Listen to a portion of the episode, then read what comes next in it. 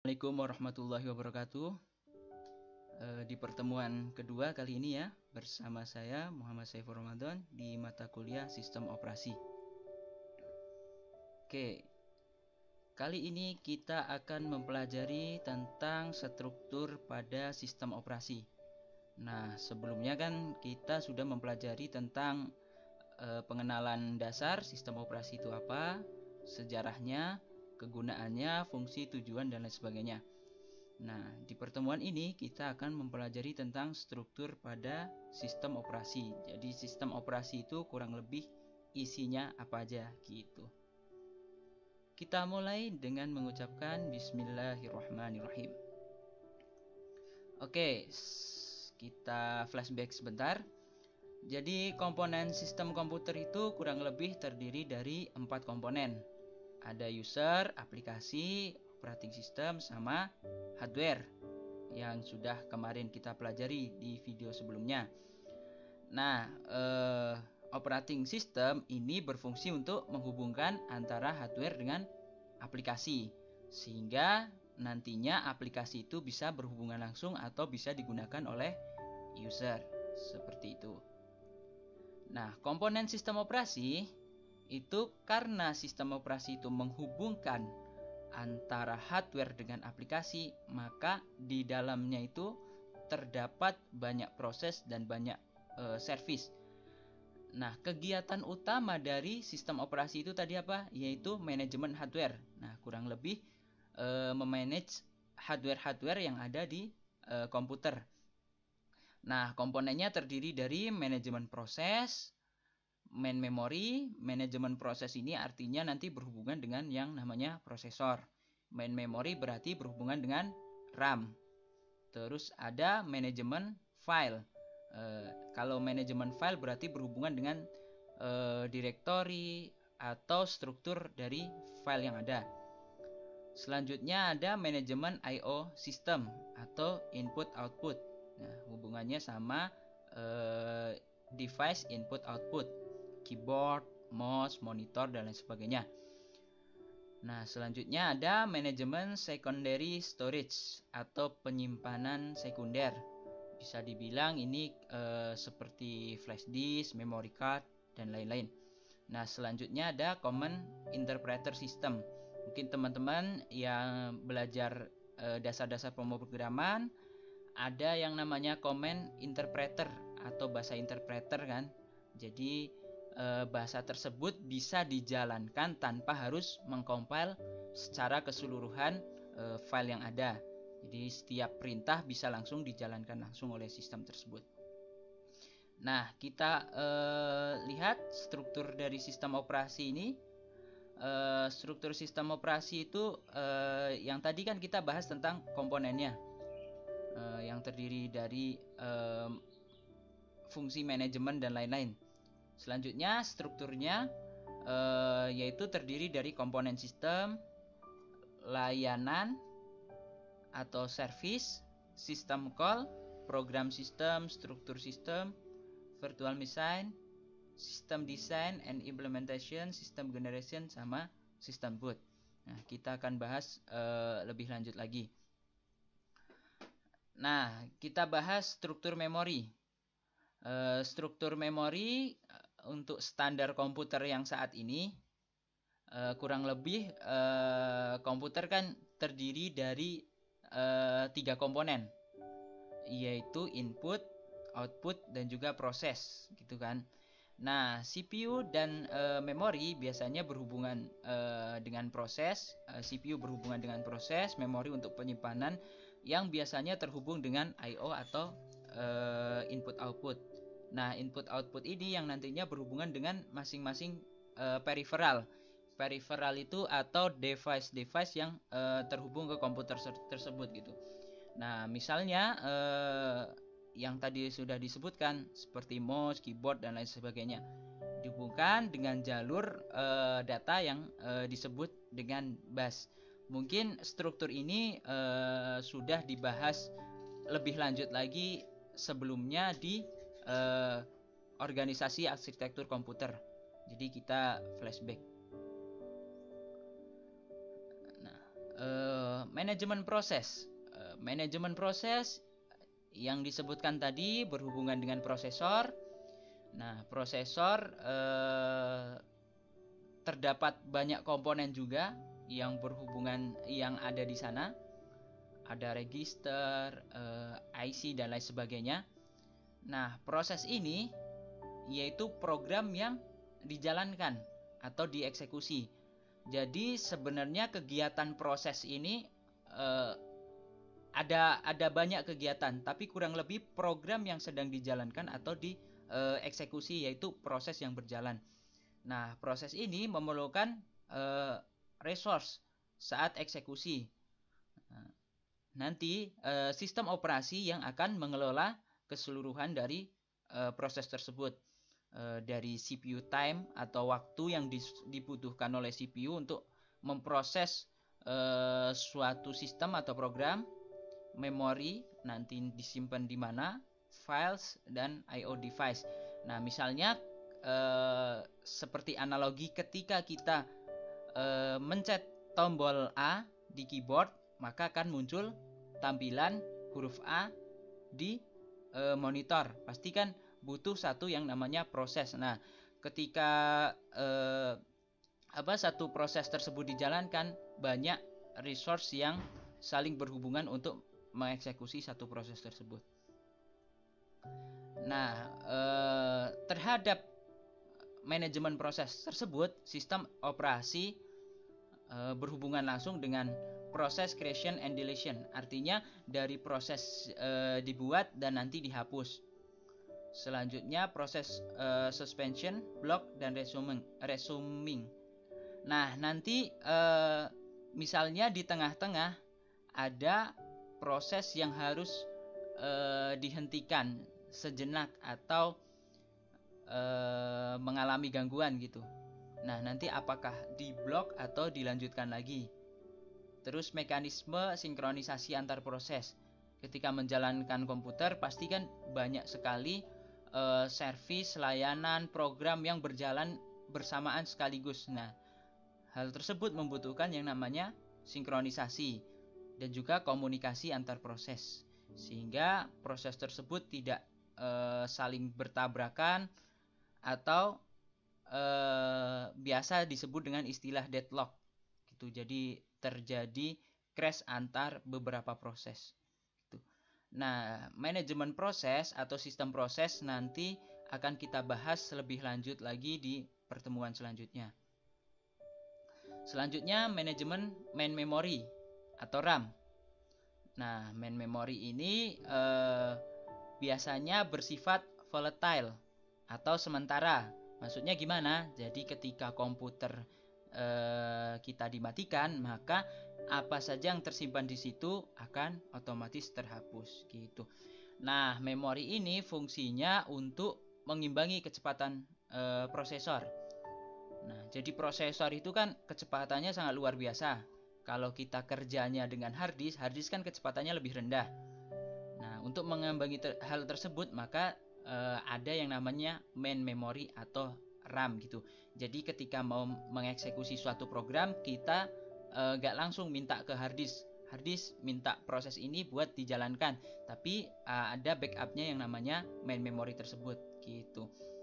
Nah ini uh, cepat uh, mengimbangi prosesor tapi harganya mahal. Kalau kita lihat di hierarki memori itu uh, biasanya yang kapasitasnya kecil kecepatannya tinggi tapi harganya mahal nah yang kapasitasnya besar harganya lebih murah, biasanya kecepatannya lebih rendah gitu. Dibutuhkan address yang digunakan untuk mengakses data share oleh CPU dan I/O device.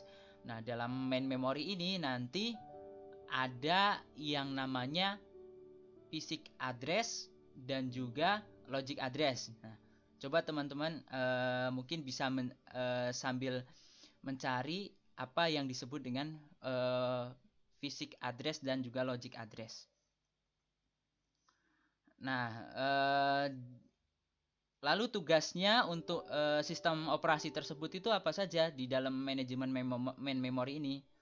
Nah, kurang lebih ketika sistem operasi melakukan eh, manajemen main memory, uh, ada tiga hal yang dilakukan, yaitu melacak pemakaian memori, uh, siapa yang make, proses apa yang berjalan, berapa besar uh, yang digunakan, terus memilih program mana yang akan uh, di load ke memori.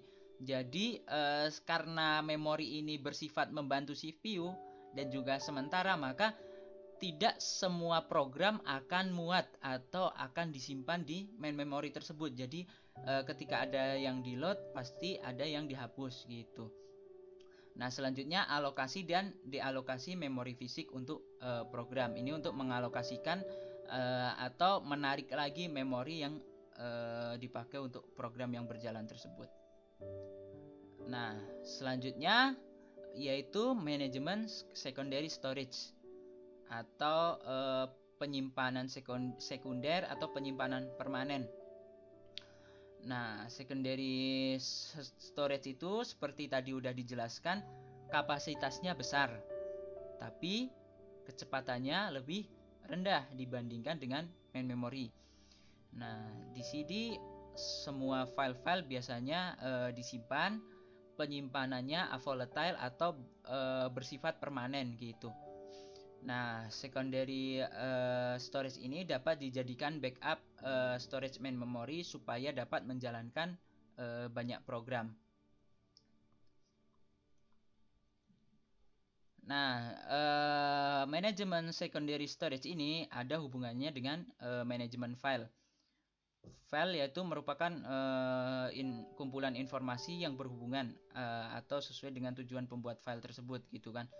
Nah, File ini mempunyai struktur, ada direktori, volume dan lain sebagainya. Kalau misalnya kita belajar dari uh, direktori manajemen file dari Linux kan ada root. Di bawah root itu ada banyak uh, direktori lagi, ada boot dan lain sebagainya. Kalau di uh, Windows mungkin kita bisa uh, lihat struktur atau manajemen file filenya itu kan ada uh, lokal disk C, uh, D, E dan lain sebagainya kan. Nah, manajemen uh, nah file-file ini yang uh, disimpan di secondary storage tadi gitu. Nah, di sini uh, OS berperan penting yaitu uh, dari mulai pembuatan uh, file tersebut hingga nanti uh, penyimpanannya seperti apa, diletak uh, diletakkan di mana, volumenya berapa dan sebagainya. OS lah yang membantu manajemen uh, file tersebut. Nah, ada pertanyaan menarik tentang secondary storage dan juga file. Misalnya, teman-teman semua punya satu file. Ketika kita hapus biasa, biasanya kan kalau misalnya kita pakainya Windows, itu larinya ke recycle bin kan? Atau ketika kita pakai uh, Linux itu biasanya larinya ke trash. Jadi kayak uh, terhapus sementara gitu. Nah ketika dari recycle bin tersebut itu file kira-kira larinya ke mana? Kan file itu nempel di uh, hard disk kita itu kan? Kurang lebih secara logika seperti itu Nah, eh, kira-kira menurut teman-teman semua ketika file tersebut eh, kita hapus, apa yang terjadi dengan file tersebut? Dan kenapa ketika kita misalnya menggunakan software recovery, eh, file tersebut bisa balik lagi gitu. Tapi kapasitas dari device-nya bertambah. Misalnya kita punya file nih ukuran 100 MB, kita hapus. Nah, Artinya nanti e, device kita kan nambah lagi kan 100 MB gara-gara yang 100 MB tadi kosong.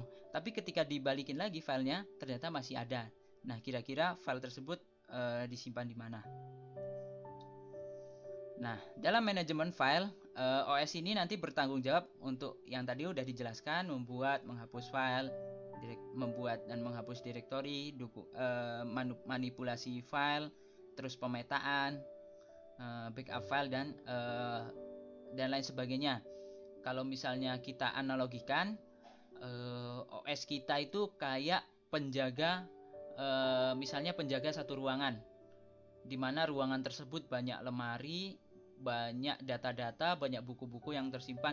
Nah, OS tersebut nanti uh, yang mengatur ketika kita membuat file baru, ini mau diletakkan di lemari mana, laci sebelah mana, nanti kalau mau diambil uh, caranya seperti apa, ukurannya yang sesuai itu ditaruh di mana, terus kalau misalnya mau dihapus itu dihapusnya nanti larinya ke mana. Nah itu uh, eh, OS bertanggung jawab di situ untuk manajemen file. Nah ini command interpreter system. Jadi OS uh, eh, menunggu instruksi dari uh, user atau command driven program yang membaca instruksi dan mengartikan keinginan user Nah, sangat bervariasi dari satu OS ke OS yang lain dan disesuaikan dengan tujuan serta disesuaikan sama teknologi atau IO device yang ada. Nah, jadi ini komen-komen atau perintah langsung yang diberikan oleh user kepada e, sistem.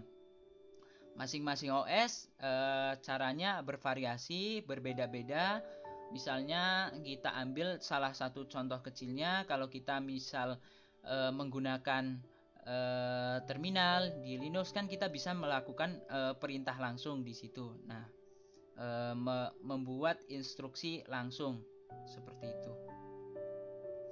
Nah, e, setelah sistem operasi tadi berhubungan dengan manajemen dan lain sebagainya, ada layanan yang diberikan oleh uh, sistem operasi nah, atau biasa disebut dengan uh, service gitu kan. Nah, layanan ini terdiri dari eksekusi program yaitu kemampuan sistem untuk menjalankan program gitu kan. Nah, ketika komputer dinyalakan sampai akhirnya masuk OS kan uh, ada program-program yang sebenarnya tersembunyi atau misalnya uh, atau kita itu nggak tahu program uh, atau nggak nggak kelihatan di layar gitu ibaratnya. Nah, yang bisa uh, membantu eksekusi eksekusi uh, program dari aplikasi lain. Terus operasi I/O. Jadi user ini tidak dapat secara langsung mengakses uh, hardware resource. OS harus menyediakan mekanisme untuk uh, melakukan operasi I/O atas uh, nama user. Jadi uh, contohnya Kayak tadi ketika kita mau ngetik di keyboard dan muncul di layar itu uh, kita nggak bisa langsung uh, menggunakan hardware hardware secara langsung gitu. Jadi ya, dibutuhkan ada yang ada adanya operasi I/O yang nanti berhubungan dengan proses uh, sehingga program tersebut bisa langsung uh, berjalan. Terus uh, manipulasi file system. Manipulasi kurang lebih ya read write create uh, delete. Kurang lebih seperti itu. Nah itu operasi utama atau uh, layanan dasar di uh, sistem operasi. Selain itu ada juga uh, komunikasi yaitu pertukaran data dan informasi.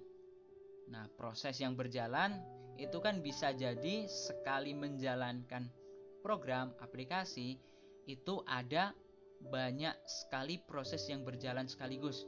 Misalnya, contoh mudah kita mau nonton video. Video itu kan komponennya banyak. Ada e, sebenarnya kan video kumpulan dari banyak gambar kan. Berarti kita e, ada program yang menampilkan gambar. Terus gimana caranya gambar itu e, sesuai dengan frame rate-nya. Jadi satu detik itu ada berapa gambar sehingga gambar tersebut bergerak menjadi sebuah video. Ada yang mengatur dari sisi audionya. Jadi e, banyak sekali e, proses atau service yang berjalan di situ. Nah, di sini fungsinya dari komunikasi atau pertukaran data sehingga ketika kita menjalankan program tersebut bisa e, saling sinkronisasi atau berkomunikasi antar proses tersebut. Nah, selanjutnya ada deteksi error. Itu menjaga kestabilan sistem dengan mendeteksi error. Nah, kurang lebih sistem eh, eh, sistem operasi ini punya fungsi mendeteksi error. Ketika ada terjadi kesalahan dengan sistem yang eh, berjalan, biasanya kan sistem operasi akan memberikan memberikan peringatan eh, kepada user. Nah, apa kesalahannya uh, terus biasanya diajarin kalau misalnya ada langkah-langkah yang bisa dilakukan itu seperti apa uh, dan lain sebagainya